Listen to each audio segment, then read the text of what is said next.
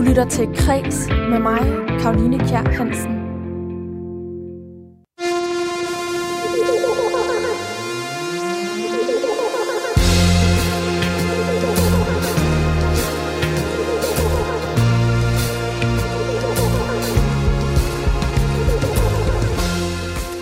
Gode kunstnere låner, men de rigtig gode, de stjæler.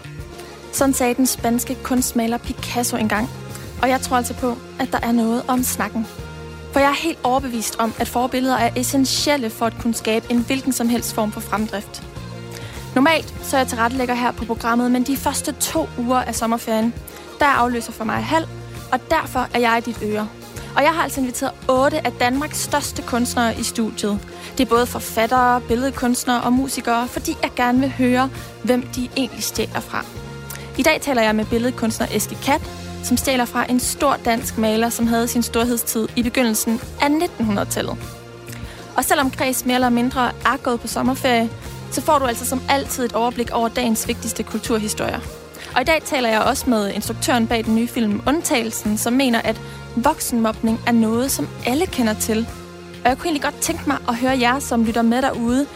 Hvad er det egentlig ved mobning, som gør allermest ondt? Er det, når man ikke bliver inviteret med til en fest, eller er det, når øh, man ikke bliver spurgt, om man vil med ud og spise frokost? Skriv, mig, øh, skriv ind til mig på øh, 1424. I beskeden skal du skrive R4, lave et mellemrum og skrive din besked. Og ellers så vil jeg bare byde dig rigtig hjertelig velkommen til Kres.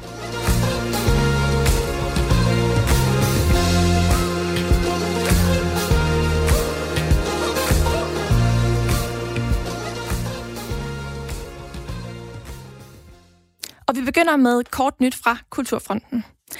Fordi fremover så bliver det svært at forestille sig Aros i Aarhus uden en dome. The Dome hedder det faktisk. Normalt så tænker man jo på Aros som øh, det her sted, der har Your Rainbow Panorama. Men fremover så vil der også være en dome. Det skriver Kunstmuseet selv i en pressemeddelelse, hvor i de offentliggør en længe ventet udbygningsplan. Og The Dome bliver både et kunstværk på pladsen foran Kunstmuseet, men også et opholdsrum, forklarer museumsdirektør Erland Højersten. The Dome er jo et kæmpekunstverk. Eh, en arkitektonisk struktur og et, et, et rum som virkelig kan si, vekker undring og fascination. Eh, og det er jo skabt av den verdenskjente kunstneren James Turrell. Et kunstværk, som spiller, eh, bruger lys men også skaper eh, noen optiske bedrag. Og hvor både rom og tid synes å opphøre. Og det blir jo et, eh, en installasjon, kan man si, eh, som både kan oppleves isolert, men også danne grunnlag for konserter og andre kunstneriske opplevelser. For uden The Dome, så rummer udbygningsplanen også projektet The Annual Aros Pavilion, som vil, som vil blive placeret mellem museet og The Dome. Og planen det er altså, at hvert år så vil der blive bygget sådan en ny midlertidig, midlertidig pavillon, øhm, til nogle øh, af verdens mest innovative arkitekter. The Annual Aarhus Pavilion vil fungere som en midlertidig tilbagevendende scene for forskellige former for socialt samvær, talks, koncerter, nye udstillinger og performances, og skal efter planen skabe anledninger til nye spændende samarbejder på tværs af byens kulturinstitutioner, foreninger og græsrødder. Samtidig så vil der også skabes muligheder for et nyt byrum ved museet og de omkringliggende institutioner. Og hele den her udbygningsplan, det er altså ikke bare en nødvendighed for Aarhus på grund af antallet af besøgende, men det er også en del af museets ambition om at vise vejen for, hvordan fremtidens kunstmuseum egentlig kan se ud. Det fortæller Erland Højsten også. For det ene, så glemmer man nogle gange, at Aarhus øhm, øh, er designet for 200.000 besøg i året. Eh, nå ligger vi på 500 600 000 besøk i året. Eh, det andre er også det at eh, vi har behov for mer plass. Vi har mye kunst som vi ønsker å vise.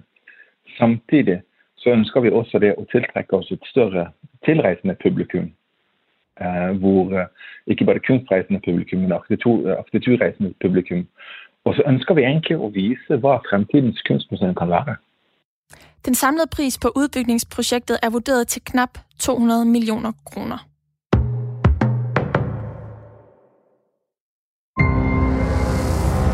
The disgraced financier Jeffrey Epstein is dead. Did he kill himself? Was he killed? Den britiske jetsetter Ghislaine Maxwell, som er tidligere kæreste og langvarig partner med den afdøde Jeffrey Epstein, er blevet anholdt. Det bekræfter en talskvinde for det amerikanske politi, forbundspoliti FBI ifølge Reuters. Og øh, den afdøde milliardær Jeffrey Epstein var anklaget for sexforbrydelser mod mindreårige. Maxwell her har i midlertid holdt lav profil siden øh, Epstein døde i august, men Ghislaine Maxwell er blevet beskyldt for at have lukket kvinder ind i Epsteins omgangskreds, hvor de angiveligt er blevet udsat for seksuelle overgreb af ham og hans magtfulde venner. Sigtelserne mod Maxwell for øh, hendes såkaldte rolle i den seksuelle udnyttelse og misbrug af ads- adskillige mindreårige piger af Epstein bliver offentliggjort senere. Det oplyser statsanklagerkontoret i New York ifølge Reuters. Og nu kommer en nyhed, som jeg har glædet mig ret meget til at fortælle om, fordi der er nemlig godt nyt til fans af den her serie. You know, when we were together in first year of college,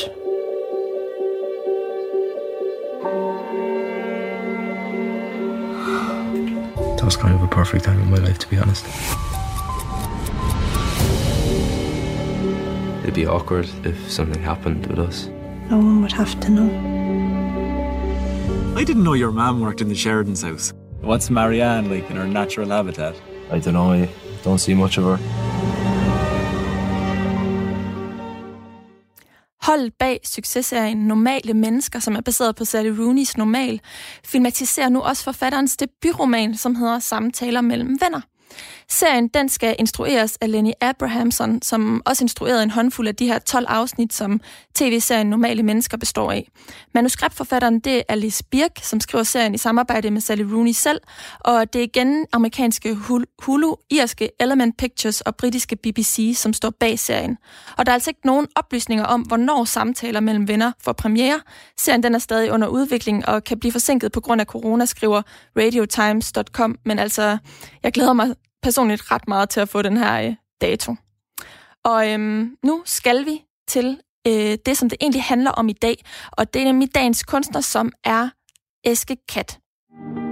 I det her projekt, der har jeg prøvet at, at at give mig øh, selv titlen landskabsmaler. Det er jo det, jeg gør i de her ting. Jeg maler landskaber. Man kan så sige, at de her de er måske nogle, mere nogle forestillinger om landskabet, og landskabet bliver symbol for nogle andre ting. Og, og det har også fået mig til at tænke på, at, altså, at jeg mener, at landskabsmaleriet har fået sig en helt ny, øh, en helt ny rolle. Altså øh, øh har, er, er blevet til noget helt andet, fordi vores forhold til naturen og landskabet, øh, med al vores, med den viden, vi har, øh, er, har ændret sig drastisk. Ja, Eske Kat, han øh, forsøgt at tænke sig selv som øh, landskabsmaler, men altså, jeg vil nu sige, at han, han er det. En moderne en, vil at mærke. Projektet, som han øh, refererer til her i klippet, det øh, er hans første museale soloudstilling, som blev vist sidste år på Kunst- og Designmuseet Trapholdt i Kolding. Og øh, i forbindelse med øh, den her udstilling, der blev han altså beskrevet som en af Danmarks mest reflekterede og markante billedkunstnere lige nu. Og derfor så er han også en af de otte kunstnere, som jeg har inviteret i studiet for at finde ud af, hvem de egentlig stjæler fra. Fordi som Picasso han engang sagde, så låner de gode kunstnere, men de rigtig gode, de stjæler. Og Eske Kat, han stjæler altså fra den danske maler Jens Ferdinand Willumsen, som vist egentlig bare er bedst kendt som Willumsen.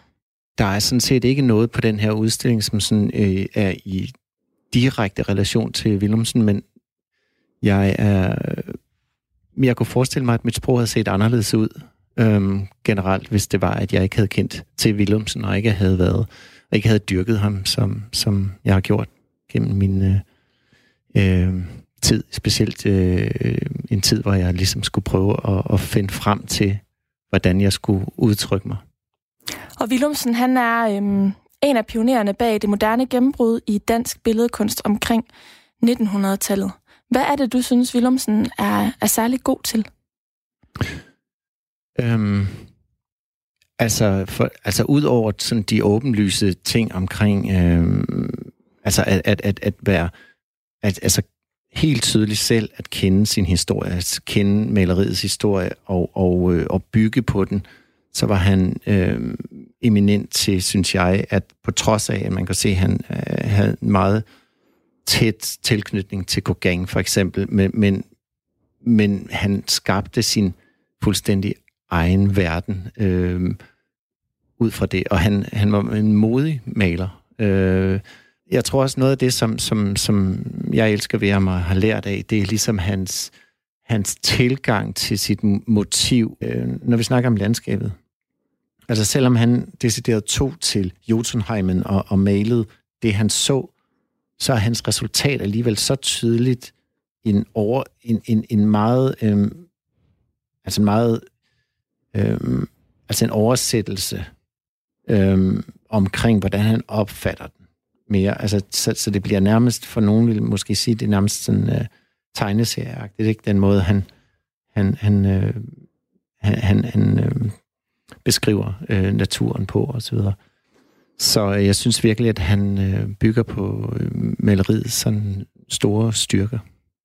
Og nu nævner du selv Paul Gauguin, som øh, du selv er blevet sammenlignet med faktisk, så det er jo lidt sjovt, at Willumsen lige står imellem jer to der. Paul Gauguin, han var øhm, en fransk maler, billedhugger og grafiker. Nu nævner du selv det her med øh, motivet, som, som Willumsen er særlig god til.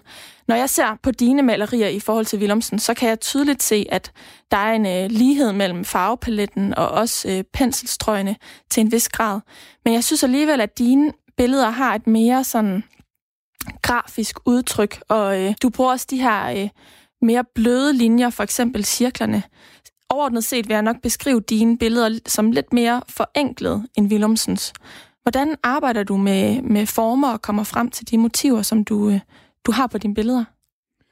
Øhm, ja, det, det er korrekt nok. Jeg tror, jeg tror øhm, min maleform kommer nok sådan grundlæggende også ud fra et, et koncept, jeg, jeg, jeg, jeg byggede øh, op på et tidspunkt omkring Altså, hvad er, hvad er maleriet for mig, og hvad er mine styrker? Altså, gennem min øh, akademitid og så videre, og også før det har jeg jo malet en masse andre malere igennem, og en hel masse andre, andre stilarter igennem, som jeg ligesom på en eller anden måde så op til, og tænkte, sådan vil jeg også gerne. Jeg vil også gerne ligesom kunne det, som øh, øh, jamen, øh, Barcelitz kan, eller, eller Taler, eller et eller andet... Øh, Kasper Ponen, ikke? Altså sådan ligesom, jeg vil gerne kunne det der meget sådan umiddelbart sådan ekspressionistiske tilgang til maleriet.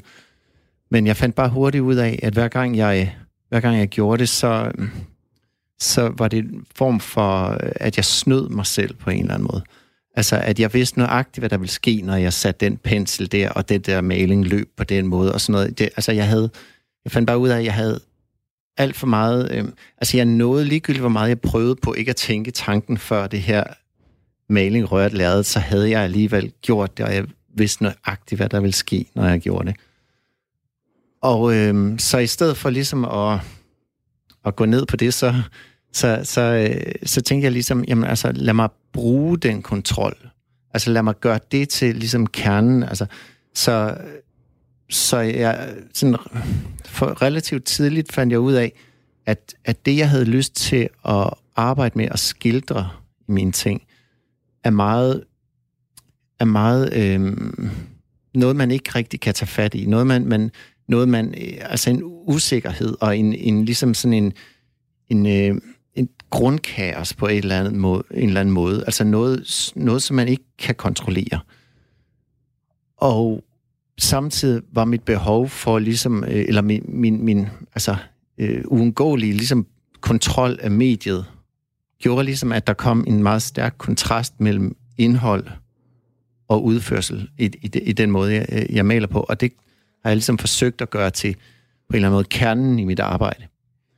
Så, øh, så det at, altså, alt det, jeg laver er frihånd, faktisk. Men, men det, altså, jeg, bliver, jeg får tit at vide, at, at altså, folk tror, at det er skabeloner, eller at det er, jeg bruger tape eller noget, men det, det gør jeg ikke. Altså, og jeg bryder mig ikke om tanken i, i ligesom at, at, at, at, at fake en, en form for løshed, som jeg, ikke, som jeg ikke har. Så jeg har gjort det ligesom til, min, til mit sprog, at sige, jamen altså, så må jeg ligesom, øh, så, så, må, så må øh, uroen og kaoset og så videre, det må ligge i motivet, og så må grundhistorien ligesom være, at jeg prøver på at kontrollere de her alle de her, det her, de her kaos af tanker, vi har om, om altså i, i øh, om, det kan være om den verden, vi lever i, omkring personlige ting, omkring alt muligt, og så prøver og ligesom kommer med faktisk et, et meget kontrolleret, øh, abstrakt svar på de her øh, tanker. Ikke? Er det i bund og grund din egen måde at kontrollere øh, dit indvendige kaos på? Ja, ja, det er det vel. Altså i, i den grad. Det er, altså, altså, øh, jeg er jo fyldt med alle de samme bekymringer og så videre, som, som øh, mange andre mennesker er omkring øh, både personlige ting og ting rundt omkring i verden. Altså alt, alt øh, selvom det sikkert er lidt forbudt at sige, så er alt, så er alt kunst jo i virkeligheden, om, om det er om det er billedkunst eller musik eller øh, litteratur eller hvad, en, også en form for selvterapi. Altså om det er det direkte eller indirekte, det er jo, hvad det er. Men, men, men øh, jeg tror ikke, at man er i stand til at motivere sig selv til at lave de her ting, hvad mindre det også har en, en form for øhm, øh, virkning, på, øh, en nødvendig virkning på, på en selv. Ikke? Du siger, at du i mange år gerne ville prøve at, øh, at have den her mere ekspressive, øh, det mere ekspressive udtryk, men ligesom måtte indse, at det, det kunne simpelthen ikke lade sig gøre med dig. Hvordan var det at komme til den erkendelse? Øhm, man kan sige, at i første omgang, så, øh, Jamen altså, du ved, det altså altid, når man prøver på ligesom at, at, at, og, og tænke, åh, oh, det der, det synes jeg bare, at det, det, er, det, det er virkelig det, jeg det kan jeg så godt lide, det vil jeg også gerne gøre. Og når man så finder ud af, at det ikke er der, en styrke ligger, så er det selvfølgelig altid altså, føles, føles som en, en, en, en, noget ærgerligt, ikke? Øhm, også når jeg, altså, når jeg så mine resultater og sådan noget, fordi at det så jo meget, det så jo meget rigtigt ud, men jeg kunne bare, altså for mig selv, så kunne jeg mærke, at det var lidt fake, ikke? Fordi at, at det ikke var helt, hvad det, hvad det gjorde, gav udtryk for at være, ikke? Øhm, og allerede før det, man kan sige, dengang jeg startede med at male på højskolen, øh, på Holbæk Kunsthøjskole og sådan noget, altså sådan rigtig sådan seriøst på, begyndte at male og sådan noget, så der var det, Michael Kvium og sådan noget, ikke? Som, som var, var, altså, det ville jeg sgu også gerne, det der, ikke? Altså, der fandt jeg også ligesom ud af, at, at det, øhm, der, der kunne jeg ikke rigtig finde ud af at gøre andet end at kopiere ham. Og altså, i, sådan, i de ting, der var væsentlige i maleriet, kunne jeg ikke rigtig finde ud af andet end at ligesom også at lave de her mennesker og sådan gasebind og sådan noget, ikke? Altså, og, så det, det fandt jeg også hurtigt ud af, det var heller ikke mig. Men, men det er jo det, der, der skal til, og det er også der, man, for man altså uddanner sig og så videre, ikke? at man skal jo ligesom igennem alle de her, hele den her jungle af historie og af andre kunstnere og alt muligt, for ligesom at finde sig selv i alt det der rod. Ikke? Øhm, og, og, og på vejen der øh, lære en hel masse af, hvad folk har gjort før en, og samtidig med en, og, og så videre. Ikke? Nu nævner du Michael Kvium, som jo øh, altså om nogen er en maler, som bruger øh, mennesket som motiv. Og mennesket ser vi også på Willumsens malerier, men dem ser vi ikke på dine malerier. Hvordan kan det være? Ja, jeg tror faktisk ikke, at øh, jeg har malet mennesker siden, øh, siden, siden dengang. Og, og, og, og, og jeg, altså, sådan helt konkret, så, øh, så øh, kan jeg bedre lide, og, øh, eller så ligger det mere til mig at male øh, eller arbejde med ting, som symboliserer mennesket mere end det konkrete menneske. Jeg har en følelse af, når man maler, maler et menneske, altså det er også en af de ting, jeg altid gerne har villet. Altså jeg vil gerne male et menneske, men jeg har bare aldrig følt, at det var relevant for mig. Fordi at, at for mig, der har det været, der er hele maleriet på en eller anden måde været på sin vis en metafor for følelser for, for mennesker. Og, og, og det vil sige, hvis jeg maler mennesker ind i, øh, ind i de her motiver, så vil det overtage, det vil overtage motivet. Du vil altid, når du ser et menneske i, i, i et billede, så vil du altid øh, identificere dig med det her menneske og læse dine egne følelser ind i det her menneske og læse følelser ud af det her menneske, og det vil altid være det, altså hovedmotivet i et billede.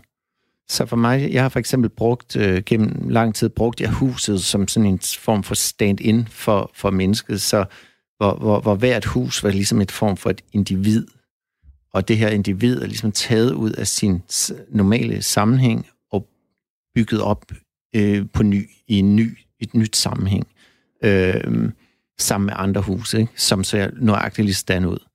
Øh, men altså, hvor, hvor man kan sige, at det her symbol for det enkelte menneske bliver en byggeklods i en, en større sammenhæng. Og øh, for mig var det meget vigtigt for eksempel, at, at huset så var ligestillet med, med for eksempel naturelementerne i, i billedet, så det ikke... Altså, øhm, vi, vi, vi har det jo med som mennesker, hvilket er naturligt nok, at, at indlæse os selv som det vigtigste i et hvert motiv. Øhm, og derfor har det været Øhm, på en eller anden måde ikke været relevant for mig at, at bruge menneskefiguren på den måde. Men altså, man ved jo aldrig, om det kommer ind på en eller anden måde. Det er jo, det er jo på en eller anden måde et, øh, altså et uomgængeligt, eller hvad sådan noget hedder, øh, motiv. Om menneskefiguren den sniger sig ind i Eskes billeder, det kan tiden jo kun vise.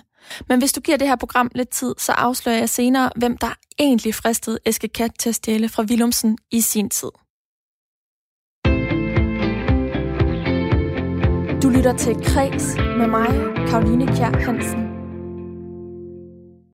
Hvis du er i tvivl om, hvordan voksenmobning egentlig ser ud, så er du det i hvert fald ikke efter at have set den nye film Undtagelsen. Godmorgen. Godmorgen. Du ved godt, min gik det ikke kan tolvtrække. Hvordan går det på arbejdet? Travlt. Og de er okay, dem du arbejder med? Henrik sagde noget om, at de ikke er så søde derinde. Hvad? Nej. Jeg synes, at, at tonen ændrer sig lidt. Hvad mener du?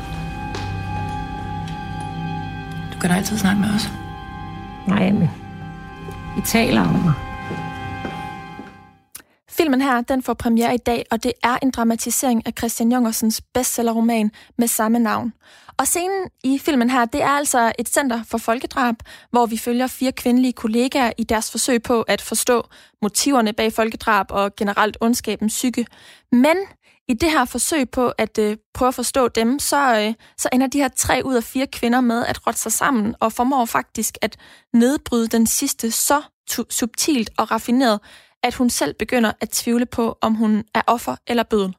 Jeg har bedt jer derude skrive ind til mig, hvad, der egentlig, øh, hvad det egentlig er ved mobning, der gør allermest ondt. Er det, hvis man ikke bliver inviteret med ud på fredagsøl? Er det, hvis man øh, ikke er blevet inviteret med i kageordningen? Eller er det bare fordi, at man måske har fornemmelsen af, at der, man bliver ikke snakket til, eller bagtalt bag sin ryg? Skriv ind til mig på øh, 1424. Skriv R4, lav et mellemrum og skriv din besked, for jeg vil stadig rigtig gerne høre jeres perspektiv derude. Men altså, når filminstruktør Jesper W. Nielsen, han efter 14 år efter den her roman den øh, udkom, har valgt at dramatisere den, så er det, fordi han mener, at mobning er noget, som alle kender til. Jamen altså, øh, jeg blev selvfølgelig meget grebet af romanen og historien, som, som, som den var skrevet, og synes, den var øh, vigtig. Øh, øh, og selvfølgelig temaet, jo, som vi jo alle sammen har haft inde under huden. Altså øh, det, at vi som mennesker bliver værdsat og anset øh, af hinanden, at vi bliver set, er jo enormt vigtigt for os. Øh, og vores arbejde er enormt vigtigt for os. Altså, så når mobning opstår, og man ligesom bliver sat ud til siden og bliver værdiløs, så er det jo noget, der fuldstændig kan ødelægge mennesker. Og det, som vi også har set i de nye undersøgelser, er jo, at det er jo langt mere udbredt, end vi overhovedet har gået og troet. Øhm, så det er jo en eviggyldig historie, som er enormt vigtig at fortælle. Men du mener simpelthen, at alle har erfaring med mobning på den ene eller den anden måde? Jeg tror, vi alle sammen har mødt det, altså øh, i, i forskellige grader, ikke? Altså mange af os har nok glemt det, øh, lagt det bag os og kommet videre, øh, og nogle er, øh, er meget mærket af det øh, øh, mange, mange år efter, og for nogle sidder det stadig i kroppen, øh, men, men, men de fleste formår måske at, at, at komme videre, men det gør jo ikke, at man ikke har oplevet nogle ubehagelige situationer. Altså, jeg husker der situationer fra barn, hvor jeg ville have ønsket, at jeg havde grebet ind og, og gjort noget, og og øh, jeg husker også situationer, hvor jeg selv er, er blevet mobbet, og hvor jeg har måttet hæve stemmen meget for at stoppe det. Øhm, Men det her, det er jo ikke børn, det er voksne. Det er voksne, ja. Og det, øh, man snakker meget om, om mobning mellem børn, men, men, men, men det forsvinder ikke, fordi vi vokser op. Vi er stadigvæk de samme mennesker. Og, øh, og øh, hvad hedder det, det, det, det er jo det, der sker altså på en arbejdsplads. Altså hvis, hvis, hvis folk er presset, og hvis de er stressede øh, og usikre, så øh, hvad hedder det, øh, prøver de at holde på deres rettigheder, og så pludselig øh, så opstår de her ubehagelige magtkampe, som det jo i virkeligheden er, øh, hvor man pludselig synes, at den anden gør alt muligt forkert, øh, og prøver at forklare for sig selv, hvorfor man skal skyde den anden væk. Det er jo tit firmaer med dårlig ledelse, hvor der ikke bliver taget hånd om, om de ansatte, hvor det kan få lov til at eksplodere. Nogle af scenerne i den her film, synes jeg, er ret voldsomme, og generelt så synes jeg faktisk også, at filmen er ret voldsom.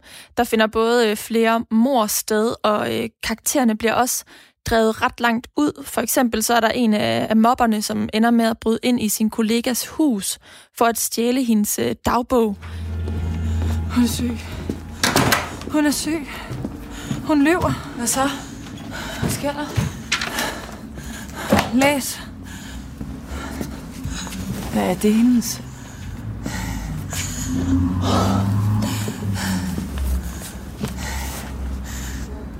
Jeg må prøve at holde fast i, at de andre ikke har ret til at mene, at jeg skal udslettes. Jeg må holde fast og kæmpe tilbage.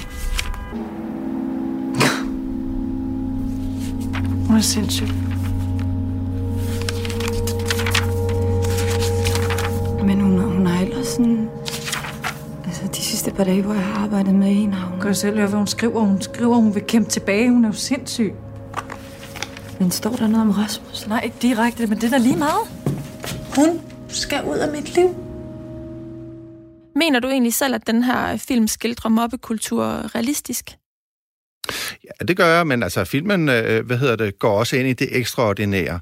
Altså, der er jo, øh, hvad hedder det, en person løs, som er ganske farlig. Øhm, og det er jo derfor, det er en thriller. Øhm, men, men der er faktisk også ganske meget, hvor øh, mennesker, øh, der er ganske almindelige, bare handler for at forsvare sig, og hvordan man ser, at, at, at normaliteten langsomt skrider for dem. Øhm, så den øh, filmen er jo faktisk en, en blanding af begge dele. Der er både det ekstreme og ekstraordinære, som langsomt øh, kommer kriblende. Øhm, og så er der jo også bare den almindelige ondskab, der blander sig med det, som jo nok er det, som vi finder langt mere øh, normalt. Ja, fordi hele fortællingen bliver ligesom skrevet ind i deres øh, forsøg og jagt efter at forstå øh, ondskab som begreb, fordi de forsker i de her øh, folkedrab.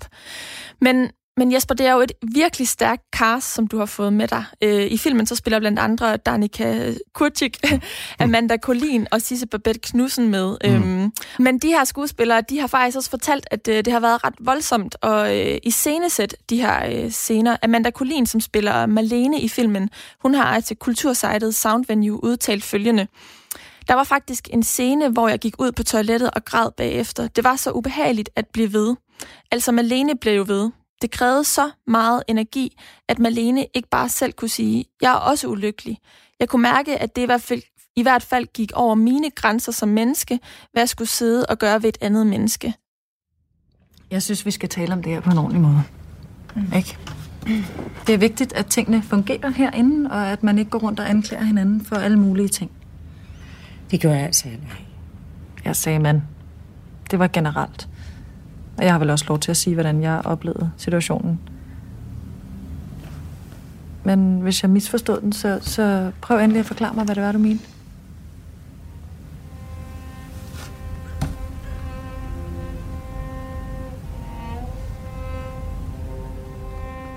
Jeg vil måske foretrække.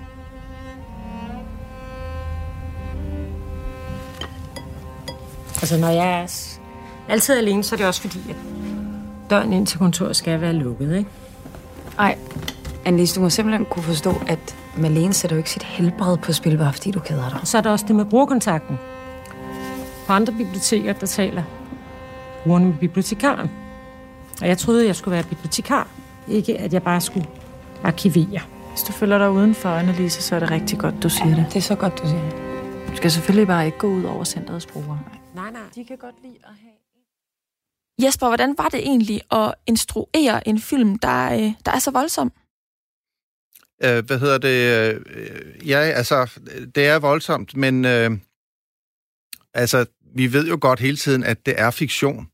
Altså, så øh, selvfølgelig bliver der vækket en masse følelser, øh, som vi jo godt kan styre, men, men, men det er selvfølgelig det, altså, når man er nødt til at leve sig ind i det til et eller andet punkt, som, man, som man, man, man kommer jo til at mærke det her ubehag i, i kroppen, men man øh, hvad hedder det, ved jo godt samtidig hele tiden, at, at det ikke er virkelighed. Men det gør noget ved en, denne her historie. Altså, når, når man kravler ind i den, man, man, man, man bliver ligesom opmærksom på, øh, gud, hvad er det? Øh, altså, de holdninger, jeg har, hvor sikre er de, hvor, eller hvor, hvor meget er min substans, min humanisme menneskelig, hvor, hvor dybt forankret er den? Altså, den fornemmelse, i, der skrider, ligesom, hvor man kan se, jamen, hvor små ting skal der til, før vi pludselig mener noget andet, eller øh, de motiver, vi har, er de ægte, øh, eller er det hele tiden vores egoisme, som der biler os ind og giver os holdninger til at gøre ting? Den, det skred øh, er faktisk ubehageligt at være i, men også rigtig sundt. Det er jo rigtig sundt at blive sat i konflikt og pludselig begynde at tænke, gud, hvem er det i grunden, jeg er, og hvorfor er det, jeg gør ting? Nu er det primært kvinder, som er med, eller det er i hvert fald øh, kvinder, som den her mobbekultur øh, udspiller sig blandt. Men jeg skal lige høre, kan vi ikke øh, blive enige om, at det altså ikke er et øh, kønsspecifikt emne, det her med mobning? Det er overhovedet ikke et kønsspecifikt emne. Jeg tror, godt. at mænd, mænd mobber om ikke andet mere end, end piger. Nej, men jeg, jeg tror, at altså, udgangspunktet er jo netop, at, at her tager man jo nogle af de bedste, nogle, nogle virkelig velmenende, humanistiske, kloge mennesker, som jo gerne vil verden godt, og, og alligevel øh, er der ligesom ting eller hjørner, de ikke kan se af sig selv. Øhm, altså så, øh, hvad hedder det, Altså, vi kan hurtigt begynde at tænke, at den hver racistisk Trump-tilhænger er en forfærdelig mand. Øh, altså, og demonisere dem og føler os selv gode, fordi vi har de rigtige holdninger. Men, men, men øh, hvad hedder det? Øh, vi skal hele tiden holde øje med os selv også. Og, og det er det, der er en grundting, men det er bestemt ikke en kønsting, fordi mændene i filmen er jo heller ikke helt fornuftige alle sammen. Nej. Og Jesper, W. Nielsen, som øh, er instruktør til den her film Undtagelsen, der får premiere i dag. Jeg vil lige høre det her til slut. Altså nu er jeg født og opvokset i, øh, i Aarhus, og øh, det var meget tydeligt for mig, øh, at øh, Aarhus er kulissen, øh, i, i hvert fald i dele af den her film. Men flere steder, så kunne jeg altså godt se, at den er blevet øh, optaget nogle andre steder. For eksempel, så, øh, så er der altså ikke nogen højhuse øh, lige omkring Mindeparken. Og først så blev jeg lidt irriteret, men så fandt jeg ud af, at det faktisk var et øh, bevidst valg fra din side. Prøv lige at forklare mig, hvad det, hvad det går ud på. Men det går jo ud på, altså hele filmen er jo en, en fornemmelse af, at, at her er en eller anden som en ret radikal person, der er klar til at gøre alt, som er på frit spil. Og det gør jo, at hele paranoiaen breder sig i filmen. Så vi, vi ved, at der er noget farligt. Altså, så, så det er jo også den stemning, som vi forsøger at bygge op, at, at være i et univers, hvor der er hemmeligheder, hvor det ikke er helt afklaret og rent det hele. Og derfor synes jeg også, at, at, at det var ikke, eller jeg synes ikke, at, at historien skulle være sådan helt sådan placeret, den foregår her, fordi altså, det er jo en generel historie, der kan sættes ind alle steder i verden over for alle køn, over for alle mennesker og alle steder i verden. Så, så vi har ligesom prøvet at ramme det generelle, men også lave et miljø, hvor man føler sig usikker, og, og hvor der ikke er helt sådan, man ikke helt ved, hvor rummene ender. Og det er i princippet alle steder? Ja, præcis. Her var det altså filminstruktør Jesper W. Nielsen, som har instrueret filmen Undtagelsen, der får premiere i landets biografer i dag. Du lytter til Kres med mig, Karoline Kjær Hansen.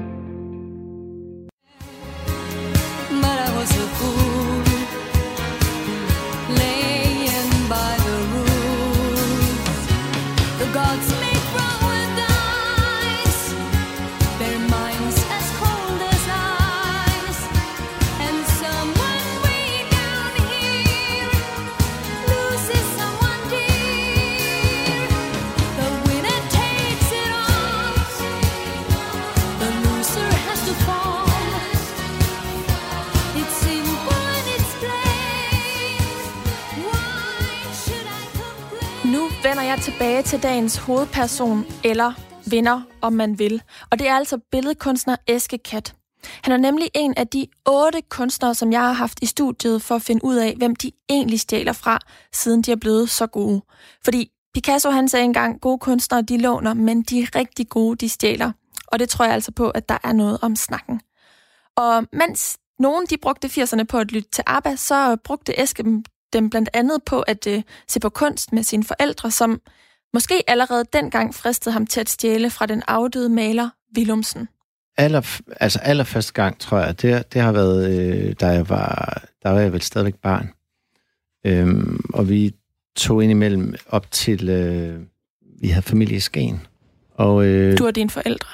Ja, eller min mors familie. Ja. Øhm, og så, øh, og så kan jeg huske et par gange, så kørte vi forbi noget, der hedder Victor Petersens Willumsens samling på øh, herregården, herregården Odden, øhm, som er et ret fantastisk sted. Så hvis, hvis folk ikke har været der, så skulle man tage og prøve at kigge forbi.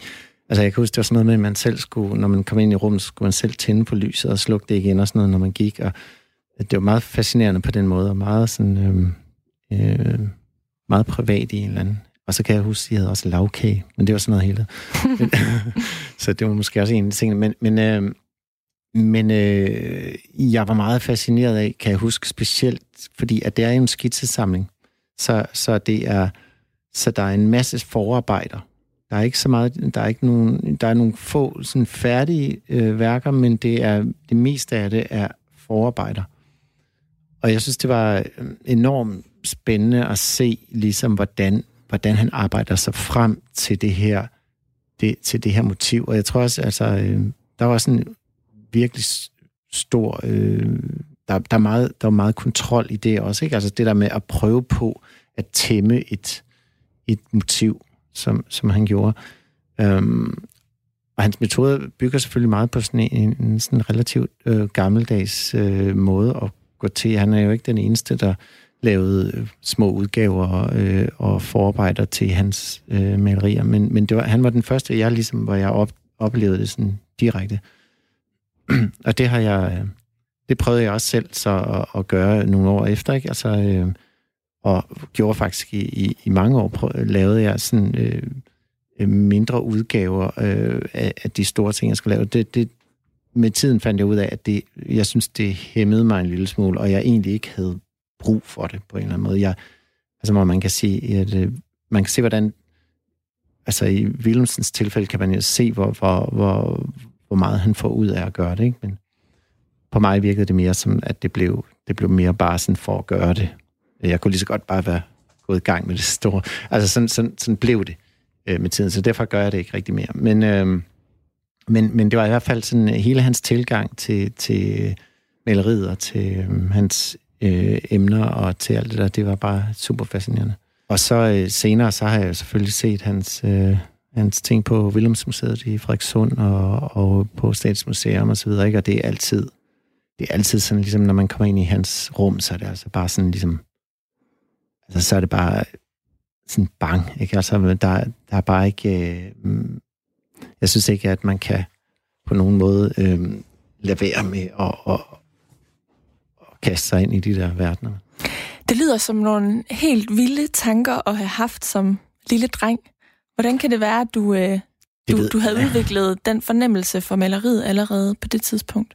Eller tegningerne ja, i det her tilfælde? Nej, men altså, det ved jeg jo heller ikke rigtigt om. Altså, det, det, er, jo, det er jo svært at efterrationalisere altså, eller, øh, om, omkring, fordi at jeg, jeg, jeg kan bare huske, at jeg var fascineret af det, ikke? og jeg kan også huske det meget tydeligt, sådan, ligesom, så, så det må jo have haft sådan en stor indflydelse. Jeg kan også huske, at jeg købte sådan et ringbind, bare fordi der var et billede af hans udenpå og sådan noget. Ikke? Altså, så det var vel en lille smule nørdet, men, men, øh, men altså, jeg har altid ligesom, jeg, jeg, på en eller anden måde, så har jeg altid, øh, selvom jeg ikke på det tidspunkt øh, havde nogen intention om at blive, blive billedkunstner på den måde, så, så har jeg alligevel altid, jeg har altid bygget ting, og jeg har altid øh, malet ting, og altid gjort sådan, så, så jeg var meget sådan øh, betaget af processen der, ikke?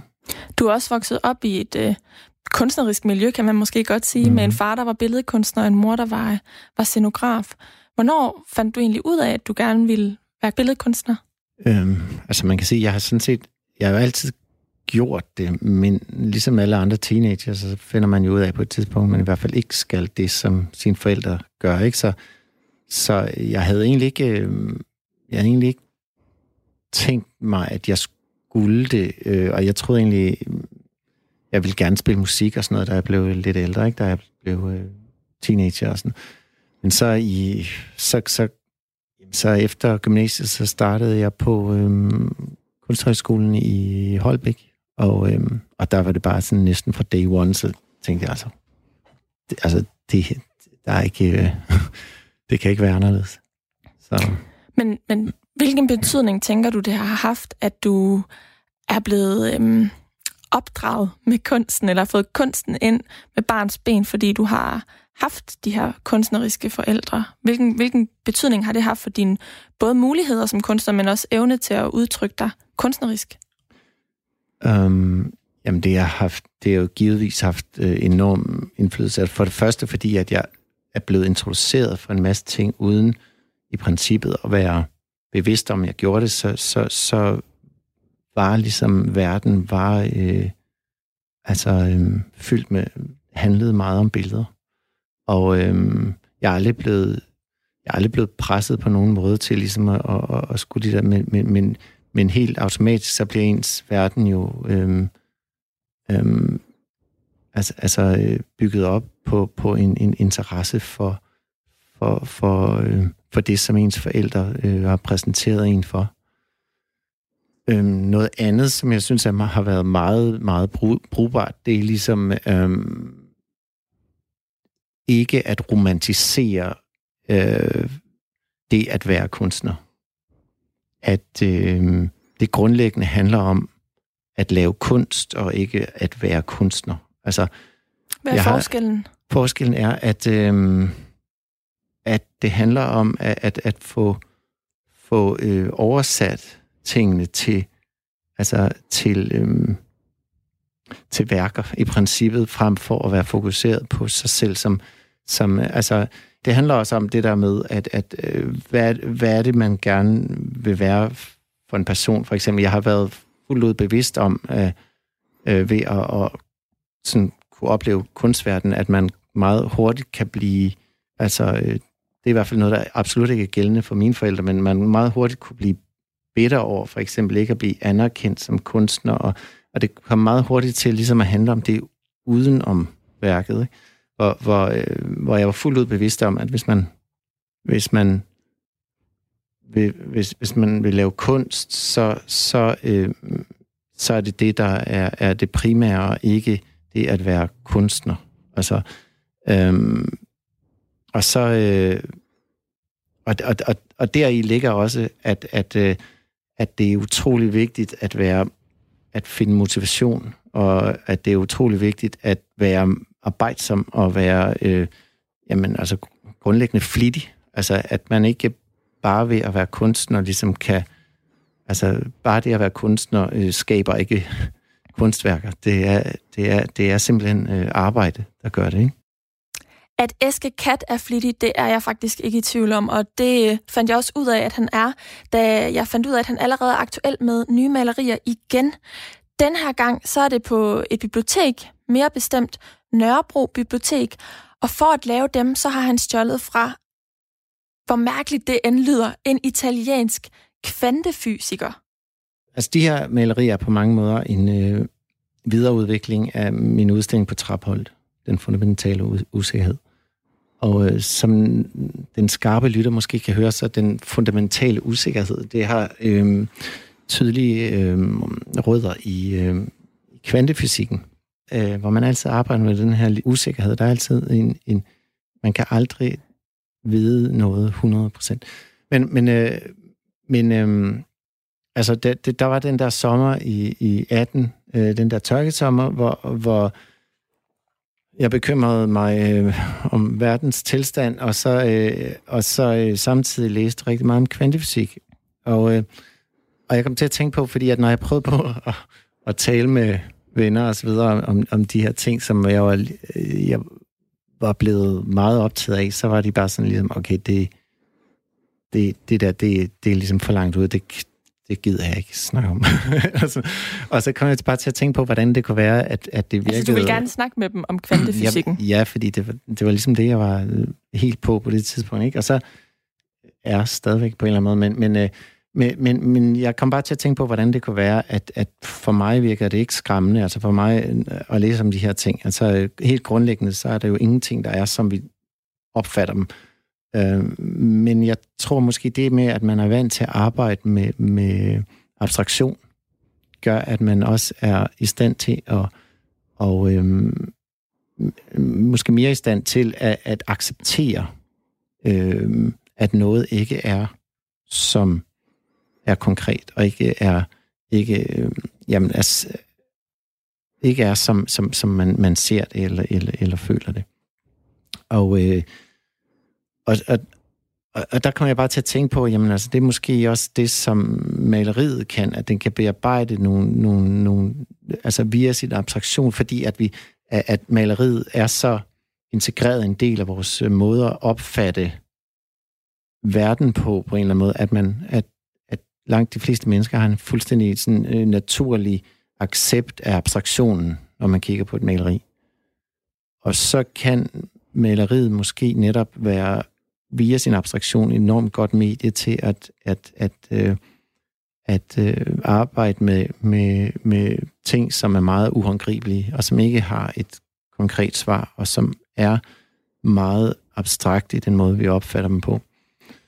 Øhm, og så var det så, at jeg altså begyndte at tænke på, hvordan kan man i, med det i mente øh, skabe et billede af en, af en øh, af et landskab af natur, som, som har skiftet så meget mening og er blevet så svært fatteligt øh, for os, fordi at det har så store øh, implikationer på vores fremtid, som, som det har. Og så, øh, og så begyndte jeg ligesom at, at øh, arbejde med, hvor, hvor meget kan man gøre ved et landskab, og det stadigvæk opfattes og accepteres som et landskab, men uden at have de her ganske basale sådan grund øh, sten, som, som et, et landskab har. Altså, sådan, øh, altså hvordan kan man behandle øh, øh, en udsigt, og, og hvor meget kan man vride motivet, og så stadigvæk beholde sin, sin værdi. Um, altså horisontlinje, hvad, altså, vi, altså det er jo en af de helt grundlæggende ting, at det er sådan en linje derude, ikke? Men kan man tage den her linje og vride den, og vende den på hovedet, og have både op og ned samtidig? Kan man alt det, og det stadigvæk sådan erkendes som, som et landskab. Og det var så det, jeg øh, begyndte at arbejde ud fra. Og det var så øh, på grundlag af netop, at jeg havde øh, læst øh, Carlo Rovellis øh, bøger, og, øh, og, og ligesom tænkte de der to ting sammen. Ikke? Og så på den måde, så kunne, kunne de der ting skabe en, en ny øh, en ny kerne. Ikke? Altså de fleste af mine ting i dag udvikler sig via øh, idéer, som et eller andet sted ligger uden for maleriet, og så øh, og øh, altså tanker om al, alle mulige andre ting, som så øh, får indflydelse på, på øh, hvordan jeg sammensætter malerierne, og hvordan jeg bruger mit sprog til at, at fortælle den her historie. Øh, altså, jeg er stadigvæk meget på det der kvante, kvantefysik. altså, jeg skal jeg simpelthen nødt til at spørge, hvordan kom du, altså, hvordan kom du på sporet af ham her, Carlo Rovelli, som jeg aldrig har hørt om før, og begyndte simpelthen at læse i en, en, en bog om en fysiker? Øh, jamen, det er ikke om en fysiker, det er, det er ligesom, det er, han, det er ham, det er der skriver om... Ham. Ja, så, så det han gør i, i sine bøger, det er sådan set bare at, øhm, at ligesom beskrive de implikationer, som ligesom cutting edge øh, science har lige nu, ikke? Altså, hvad, hvad, hvad er ligesom aflæsningen af de her, øh, den viden, vi sidder med lige nu? Og det er selvfølgelig øh, Altså, han er, øh, han er sindssygt god til at skrive tingene, så lægmand kan, kan forstå dem og blive reddet med. Så derfor er han bare et rigtig godt eksempel på, på de... Øh, altså, der er, der er jo mange, der er jo mange øh, videnskabsfolk, som, som er i stand til at, at, at gøre det her og, og, og skrive om, øh, om, om, om videnskaben på en måde, som, som er meget indbydende. Men selvfølgelig er det...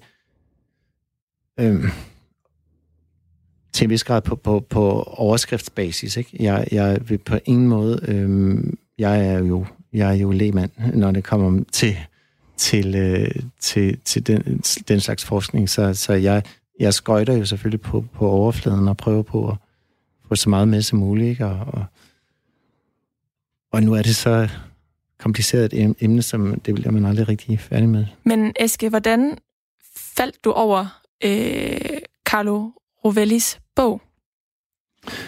Øhm, det var vist bare øh, ret tilfældigt. Øh, jeg, øh, jeg har sådan et, øh, jeg har et øh, abonnement på noget, der hedder Audible, som, øh, som øh, med lydbøger, fordi at jeg hører mange øh, lydbøger, mens jeg arbejder. Der er en del af mit arbejde, som er ret, hvad skal man sige, mekanisk, hvor jeg, hvor jeg sådan set bare skal tage ret få beslutninger, mens jeg gør det, og så skal det ligesom gøres, og så kan jeg, så i de, når jeg arbejder med det, så, så er det, giver det enormt god mening for mig at høre bøger imens. Og det var bare en af de øh, nyudgivelser, jeg ligesom faldt over, og så hørte jeg en af dem, og det ramte bare virkelig ned i, i noget. Øh, og, så, øh, og så skulle jeg ligesom selvfølgelig øh, læse alt, hvad han havde. Og, øh, og det er bare, jeg, jeg elsker bare den her, og det er også, altså astronomi er jo også øh, en af mine store passioner, ikke? Så, det er jo så de helt store træk, ikke? og det andet er de helt små, men så snart du kommer op i de, de der ting, som kommer så langt væk fra lige der, hvor vi som mennesker står, så viser virkeligheden sig bare fra en helt, helt anden side. Og det, øhm, det er bare sådan en grundinteresse, jeg har, og, der, og, der, og jeg, kan ikke, jeg kan bare ikke holde min, sådan, min grundinteresse sådan fra, mit, fra mit arbejde. Det, det blender sammen. Og så bruger jeg det sådan på en eller anden måde for at fortælle øh, mere, måske personlige og grundlæggende øh, historier, ikke? Det går jo meget fint i tråd med, at øh, værket findes på et bibliotek nu, med bøger, man kan læse, helt Sandt. konkret. Ja. De har sikkert også øh, hans bog. Det selvom, kunne jeg forestille mig. Selvom det er, jo, det er et helt nyt bibliotek. Øh, det er, det er ret fantastisk, faktisk. Eske, kan vi forvente at se mere af din kunst ude ude i den virkelige verden, har jeg lyst til at sige, altså uden for kunstmuseerne fremover, nu hvor du er begyndt at blandt andet udsmykke et bibliotek? Øhm, det håber jeg. Altså for, fordi at faktisk øhm, det har måske været den mest øh, tilfredsstillende opgave, jeg nogensinde har lavet. Altså for det første, så elsker jeg ligesom at arbejde med ting, som ligesom er, hvor jeg ved, hvor de skal opleves. Altså så længe de eksisterer, ikke? Øhm, og så kan jeg også, jeg kan rigtig godt lide tanken om, at det kommer ud blandt alle mennesker, der har lyst til at se dem, og også alle mennesker, som går på biblioteket og går igennem og så videre, at det kommer ud og lever i den rigtige verden. Ikke? Personligt håber jeg, at øh, Eske han laver mere kunst ude i det fri. Og så kan I og jeg selv inklusiv jo lige noterer os, at øh, inspiration den kan også findes andre steder, man ikke lige umiddelbart tænker, at den øh, kommer fra. Det her, det var alt, hvad jeg havde puttet i denne sommerspecial af Græs til jer i dag. Mit navn det er Karoline Kjær Hansen, og jeg er tilbage igen i morgen, hvor jeg taler med forfatter Stine Pilgaard, som stjæler fra en afdød kvindelig forfatter, som de seneste år har fået øh, noget af en renaissance, kan man vist godt sige. Jeg slutter sangen her, øh, udsendelsen af med en sang, det var det, jeg ville sige. Det er øh, måske 2020 svar på øh, ABBA, det ved jeg så om ikke. Det lyder meget mærkeligt at sige, fordi at øh, kunstneren er øh, Lord Siva, og øh, jeg forbinder egentlig ikke øh, dem med den her lyd af 80'erne, men den her synthesizer giver mig godt nok mindelser. Og jeg var noget skeptisk, da jeg lyttede til den her sang første gang i fredags, men jeg må bare indrømme, at den er vokset på mig de seneste dage. Her er det Lord Siva med nummeret Solvær rigtig god aften.